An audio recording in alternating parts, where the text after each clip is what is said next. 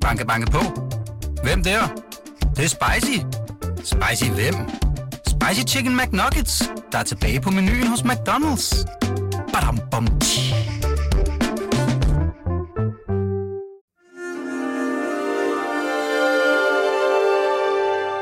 Du lytter til Kys Jorden med Claus Meier. En podcast fra Weekendavisen.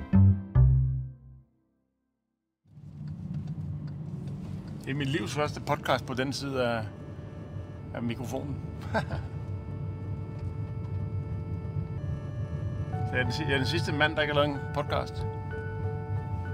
Er det sådan? Er du det? Ej, jeg tror, der er mange, der er mange, der har lavet deres egen podcast nu, er det ikke det? Jo. Det er rigtigt. Jeg tror, du er god til det. Jeg kommer til at gøre, hvad jeg kan i hvert fald. Mit navn er Claus Meier, og jeg har beskæftiget mig med mad og fødevarer hele mit liv. Hvorfor er du interesseret i oste?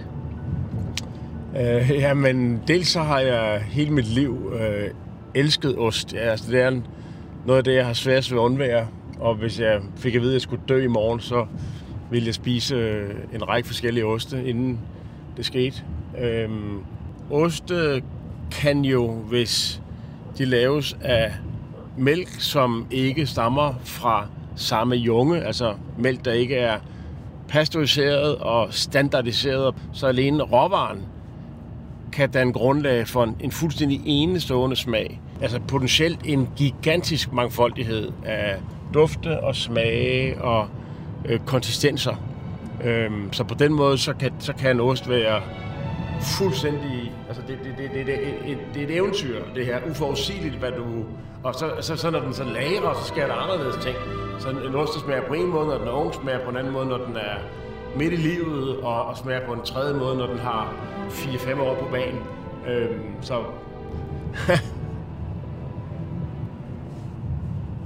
du får grundigt svar, Mikkel. Jeg er naturligvis ikke kun optaget af oste. Jeg har siden jeg var 20 været interesseret i velsmag helt generelt. Senere fandt jeg ud af, at det ikke for alvor giver mening at forholde sig til smagen isoleret. Fødevarer er nødt til at smage af det sted, de kommer fra. Men de skal også være del af et produktionssystem og en kultur, der skaber grundlag for et godt liv for dyr og mennesker her og nu og i de næste generationer.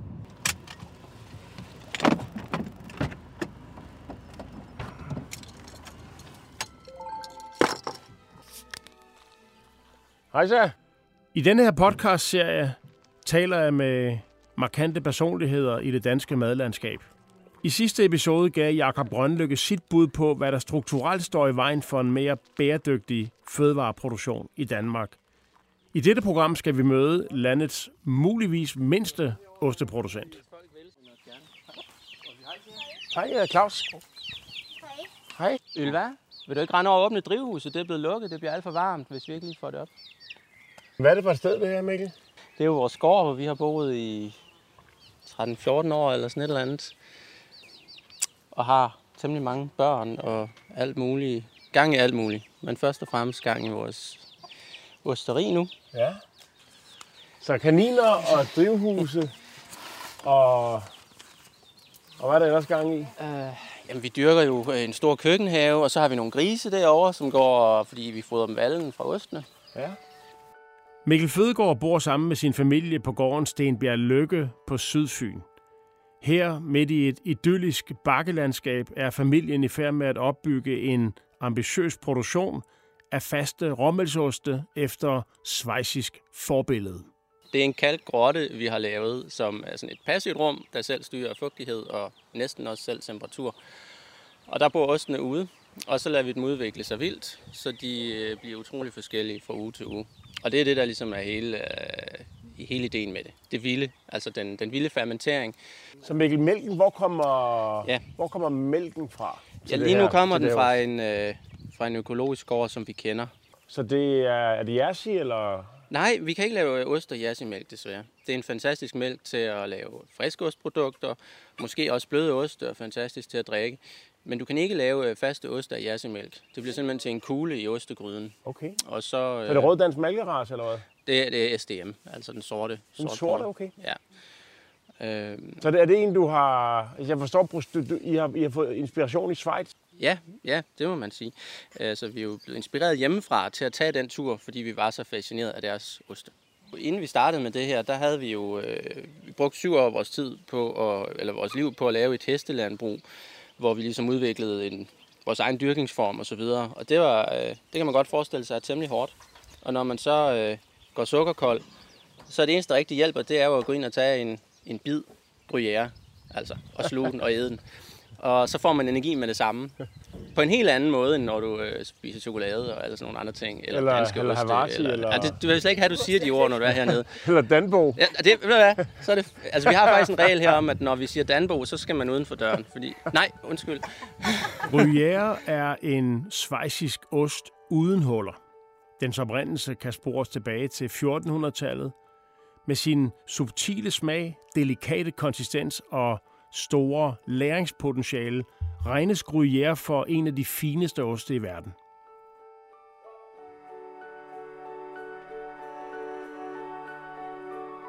Bagved, altså bag osten er der jo mælken, og bag mælken er der jo mm. koen, og så er der koens forhold til bunden, og koens forhold til markerne, og Der er så mange insekter, der er så mange fugle, der er så mange...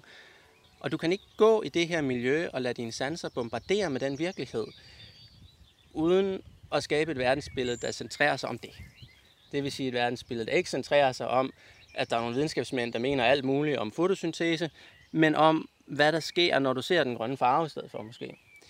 Og det kan folk måske godt sige, det, det, det lyder halvreligiøst, men det er rigtig mange, der lever på den måde jo også. Der er jo mange bønder og fiskere osv., der har traditioner for at have en eller anden halvreligiøs tilgang til tingene, fordi du kan ikke lade være, når du går i det hele tiden. den øh, sensibilitet rummer for mig en, en, en u, altså uendelig stor fortælling, øh, som man kan skrue op for eller skrue ned for. Så for, det er sjovt for mig at stå her i dag og så opleve øh, i virkeligheden en, en, en opmærksomhed omkring lige præcis det jo, som jeg synes, Ja. ja. jeg ser i jeres projekt. Jamen det er rigtigt. Og så forestil dig en dag, når der lige går sådan en håndfuld gamle brøde jyske malkekvæg med horn og koklokker her i bakkerne og dingler. Det giver så god mening at lade køerne afgræsse naturarealer, enge, overdrev, vådområder og lysninger i skoven. Arealer, som aldrig kommer under plov, og hvor dyrenes afgræsning forhindrer marken i at springe i skov, og hvor mælken og kødet høstes som et biprodukt af naturplejen. Der er tusindvis af hektar i Danmark, som vil egne sig til dette formål.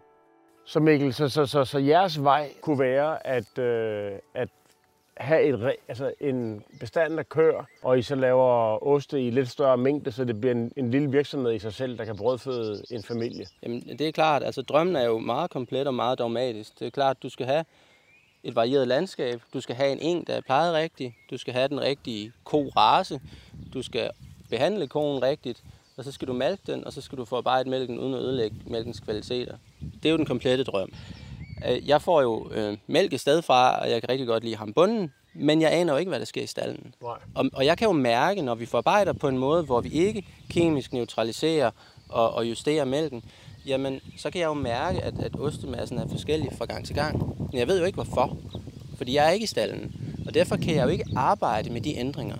Så hvis du virkelig, virkelig skal arbejde med ost, så er der kun én vej, og det er, at det er oste, at du er ostebunde, det vil sige, du har hele processen. Og hvis osten så skal være anderledes, så er det fordi, du skal gøre noget ved din eng eller ved din kør. Så det er ikke fordi, du skal begynde at ændre på fremstilling og procesteknik. I, I min verden i hvert fald. Man kan diskutere den skala, han opererer i, men Mikkels praksis flugter 100% med mine egne tanker og drømme om, hvordan vi kunne omlægge vores dyrehold. Den her vej, det er jo her, det sker sådan set. Det begynder allerede at ske her. Og I kan faktisk ane, at der er nogle oste derinde bagved, bag insektnettet. Og allerede her bliver det lidt specielt, fordi normalt så er en ostekælder jo hermetisk lukket og kunstigt lys og sådan noget. Og det har vi slet ikke. Vi har kun vinduer ud til naturen. Og så har vi bygget den af simpelthen gammeldags brændt kalk. Og det har været noget, som øh, vi ikke anede, om kunne lade sig gøre. Men det virker super godt. Og øhm, det er jo også igen den der følelsesting. Jeg ved godt, hvordan det er at være i en ostekælder, hvor du har øh, lysstofrør, og du har vibrationer fra anlægget, og du har underlig luft og sådan noget. Og det er faktisk ikke særlig rart. Og når du har øh, en levende ostekultur, som ikke bare er fem laboratoriestammer, men som er tusindvis af ting i ukendt format, så begynder det at blive en form for organisme. Og hvordan den organisme udvikler sig, er baseret på tilfældig lignende ting, ligesom hvordan bliver vejret. Ikke? Vi har en forecast, men hvordan bliver det rent faktisk? De har lovet skybrud i dag. Kommer det? Og hvad er det for nogle bakteriestammer, der så udvikler sig? Der tror jeg, det betyder rigtig meget. Jamen, er det rart at være i det rum for osten og for det menneske, som passer osten? Så, så Mikkel, det her med at lave ost er ikke noget, du har lært dig selv. Det har du lært af en anden, eller hvad? Altså, vi har jo arbejdet med alle mulige former for vild fermentering i rigtig mange år. Med grøntsager og sådan noget. Ja, og kød og så videre. Og jeg synes, at det var vi rigtig gode til. Men når vi så engang imellem prøvede med mælk, vi havde nogle geder på et tidspunkt, det var okay at lave friskost, men, men vi, vi, det, det virkede bare ikke, som vi kendte det. Så der manglede ligesom nogle brækker i det puslespil. Og så tog vi jo, øh, da hestelandbruget fejlede, så rev vi det hele op med rod og tog simpelthen afsted hele familien ned for at se, hvordan de lavede øh, de her oste i Schweiz, som vi havde overlevet på, da vi dyrkede hestelandbrug. Det var sådan en mytisk ting, hvor man sagde, vores ønske med at dyrke på den måde, det var at lave en symbiotisk dyrkning, hvor vi fik en særlig kvalitet ud af grøntsagerne, der kunne ernære os. Og i den proces, der opdagede vi bare, at der var nogle oste, der var så meget større, som vi ikke kunne forklare og som vi ikke forstod. Altså større i forhold til det menneskelige velbefindende? Eller? Ja, simpelthen. I forhold til at kunne levere den der ernæring, som bare øh, skaber øh, det stærke, det rolige menneske. Et menneske, som måske spiser halvt så meget fysisk, fordi du får en koncentreret god ernæring ind, som ikke hele tiden overbelaster sin fordøjelse, fordi du skal æde hele tiden for at undgå at gå sukkerkold og sådan noget. Så I tog det Schweiz? Vi tog det Schweiz. Ude i det blå, uden at ane noget som helst, uden rigtig at have nogen plan. Jeg var tilmeldt et ostekursus dernede. Så bagefter så fik vi nogle kontakter, og så kom vi rundt omkring. Øh, så i tre måneder, der øh, til dels øh, lavede jeg ost som frivillig øh, nogle steder, og til dels så var vi ude og bruge meget tid på at lære at forstå, hvordan de arbejder med deres kør, hvordan de plejer deres enge, og hvor vigtig den del egentlig er. For vi tænkte, der må være noget magi i det her.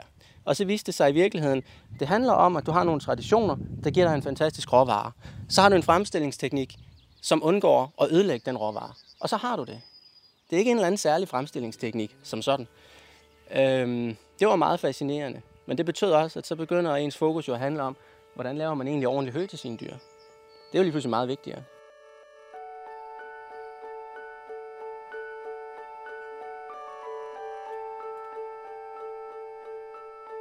Vi har måttet udvikle vores eget vildfermentering.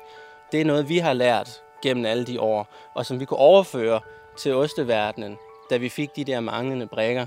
Og den gør, synes jeg, at vi får et produkt, som er rigtig, rigtig godt. Og som er specifik for det sted her?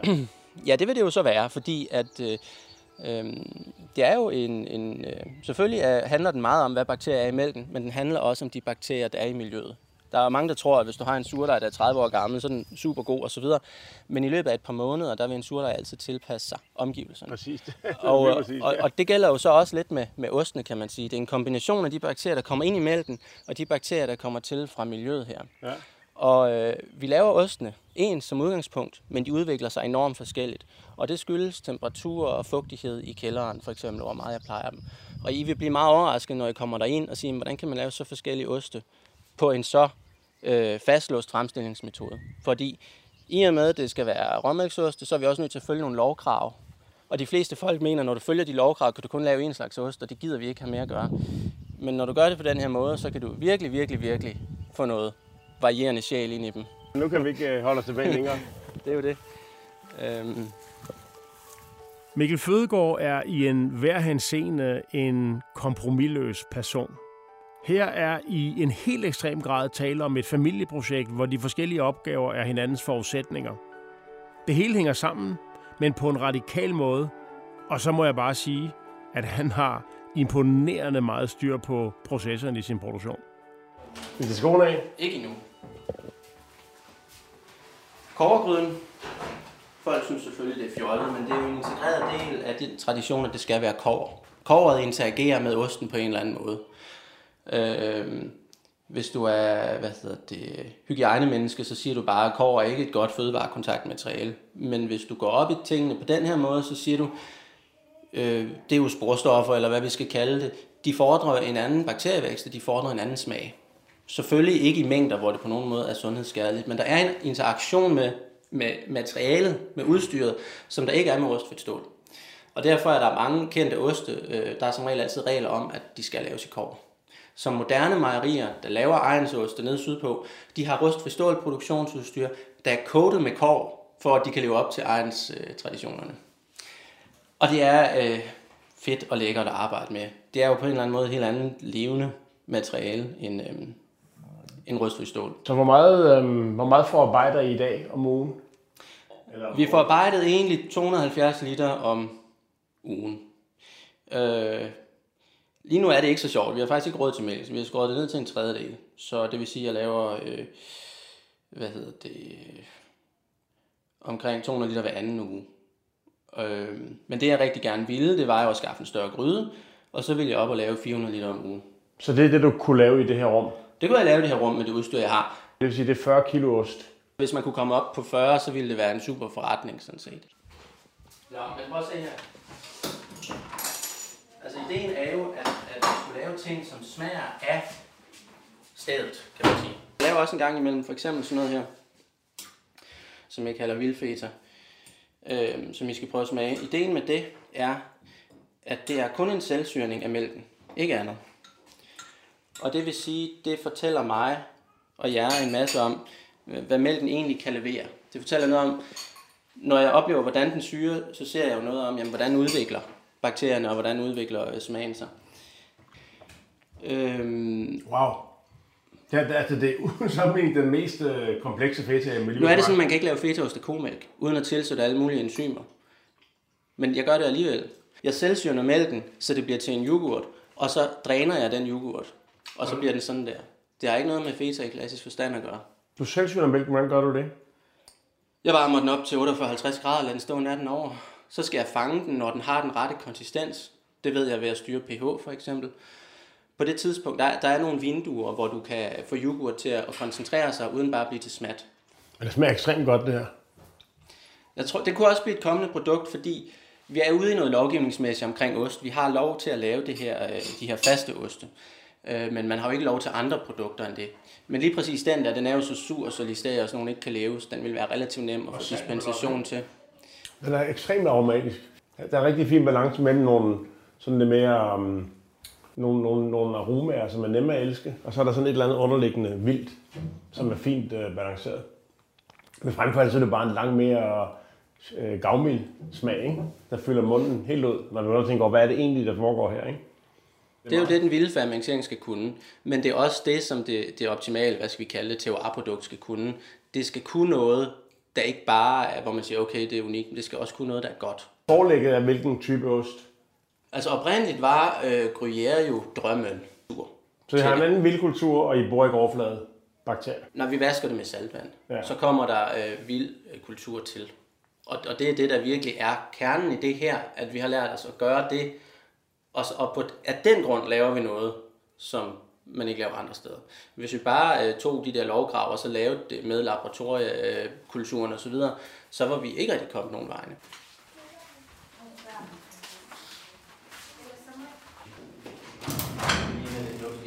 Sådan der. Godt. Så nu bliver det spændende. Det dufter kraftfuldt, hva'? Hvor gamle er ostene her? Øh, de ældste er 200 dage, og de yngste de er så nyfødte. Og hvor, hvad, hvornår tror du, osten topper? Hal, øh, den topper nok ved små 200 dage, men, men 90-120 er sådan der, vi satser på selv. De, altså, det er jo stort arbejde at gå og, og passe dem. Men altså, nu skal vi simpelthen... Jo, det er smukt. Hvor er det smukt. Det her, det er jo så øh, en ost, der er omkring 70 dage. Og det er sådan den nye generation af lidt mere smagfulde ost, den der smidt væk. Så er den der, det er nærmere, er nærmere på 200 dage.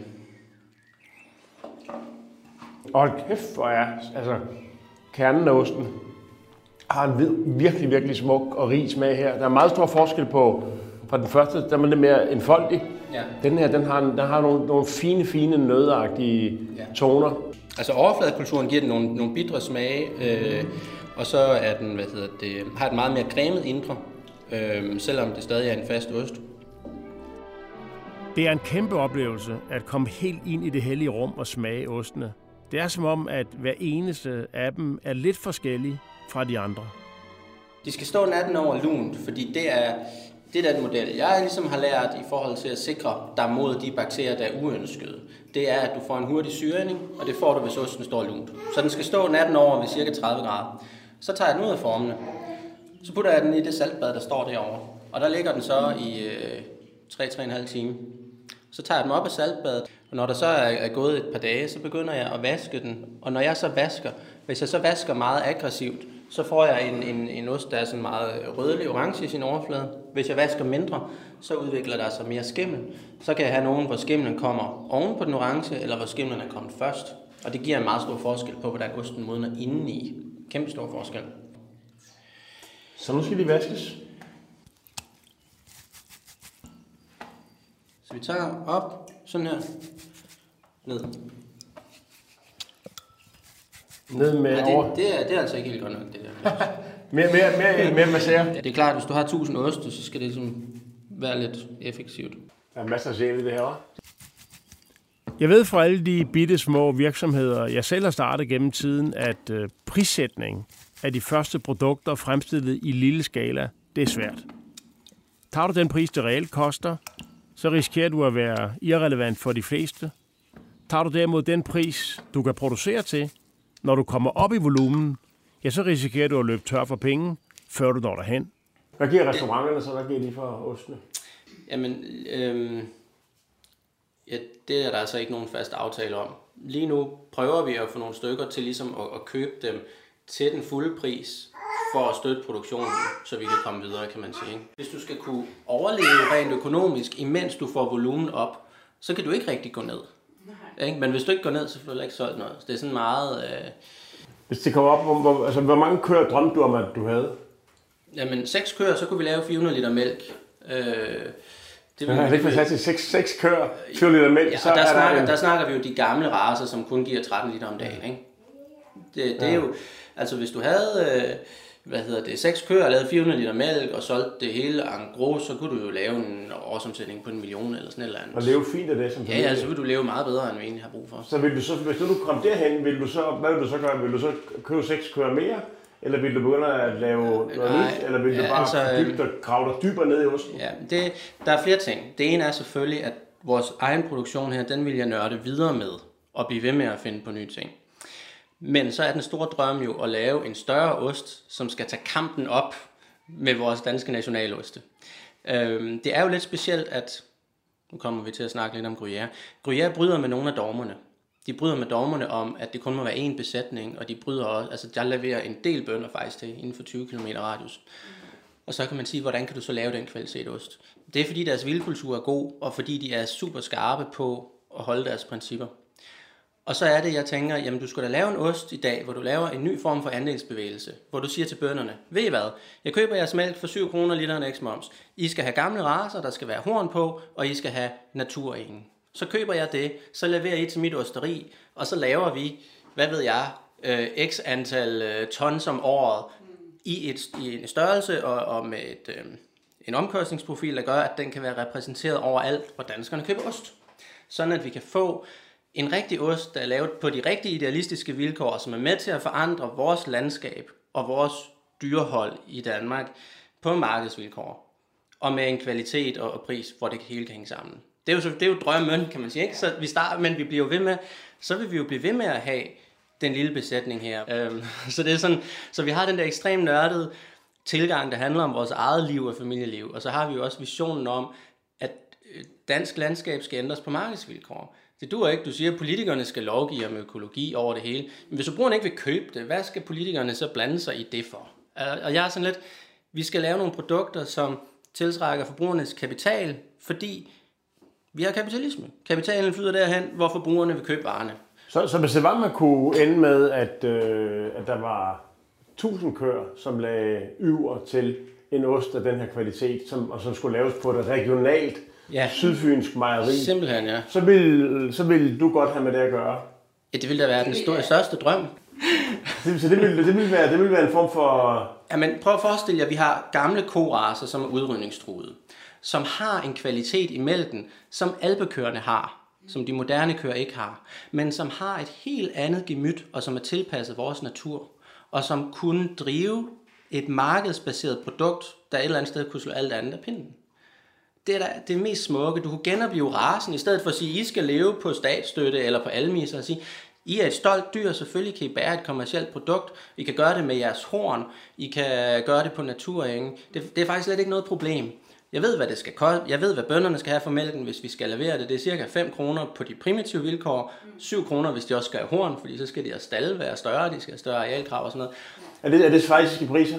Nej, det, det, det, det er jo danske priser, altså ud fra, hvad bevaringsbesætningers økonomi er og sådan nogle ting. Det giver fantastisk god mening at øh, producere råmælsost i Danmark. Da vi har masser af lys og forholdsvis lave temperaturer, gror græsset langsommere end sydpå. Herigennem dannes der flere indholds- og smagstoffer, som forplanter sig til mælken. Det forstærkes kun yderligere af de forholdsvis store temperatursvingninger mellem dag og nat, som stresser planterne, der så danner flere komplekse forbindelser. Desværre har vi i Danmark en lovgivning og også nogle markedsforhold, som gør øh, fremstilling af råmælsost til både en kompliceret og en risikabel affære. Økonomisk set holder det, det er der slet ikke nogen tvivl om. Men det er bare klart, at det er jo for os forbrugerne, der skal drive det. For hvis der kommer sådan et produkt, så skal forbrugerne jo sige, det vil vi støtte, fordi vi vil investere i det landskab. Du er klart, at du bliver vildt sur, hvis din pensionsopsparing bliver, bliver sat i klyngebomber. Det vil du ikke have. Men du vil gerne investere hele dit forbrug i, i en øh, landbrugskultur, som du så bruger en masse energi på at række ned. Der er man nødt til at sige til folk, bønderne er omstillingsparate alle steder. Det er ikke kun os, der er så skøre. Der er mange gode projekter. Så hvis forbrugerne ville have 100% økologi, så, kunne vi, så skulle de bare sige, nu køber vi alt økologisk, så om to år så er hele landbruget omstillet. Så man kan sige, det er jo meget det her med at få forbrugerne med i produktet. Og derfor tror jeg, at den her fortælling om, at det er vores nationale landskab, vores nationale dyreraser, man skal investere i, det landskabspleje, du investerer i, når du køber det her produkt, at den er vigtig også. Og gør folk opmærksom på, det er deres pengepunkt, det er deres købekraft, der skaber de her forandringer. Så, så Mikkel, hvis forbrugerne ville gå den vej, så kunne du godt, øh, altså kunne du godt, i dag der er du jo, I er selvstændige, ikke? I, I, I er i knokler, det mere får I ud af det, i, i den ene eller den anden forstand. Mm. Så, så, så kunne du godt leve lykkeligt med, at, at det var, at projektet var ejet i fællesskab med forbrugerne, så, man, så det var sådan, man var lidt lønmodtager et stykke hen ad vejen også. Det forbrugerejede kunne jo også være fedt. Det, der er så svært, når du har mange kokke, ikke, det er, så begynder man at diskutere, hvordan skal den laves. Vi er et sted, hvor vi har en fuldstændig overbevisning om, hvad der skaber kvalitet. Og den vil vi jo helst ikke gå på kompromis med.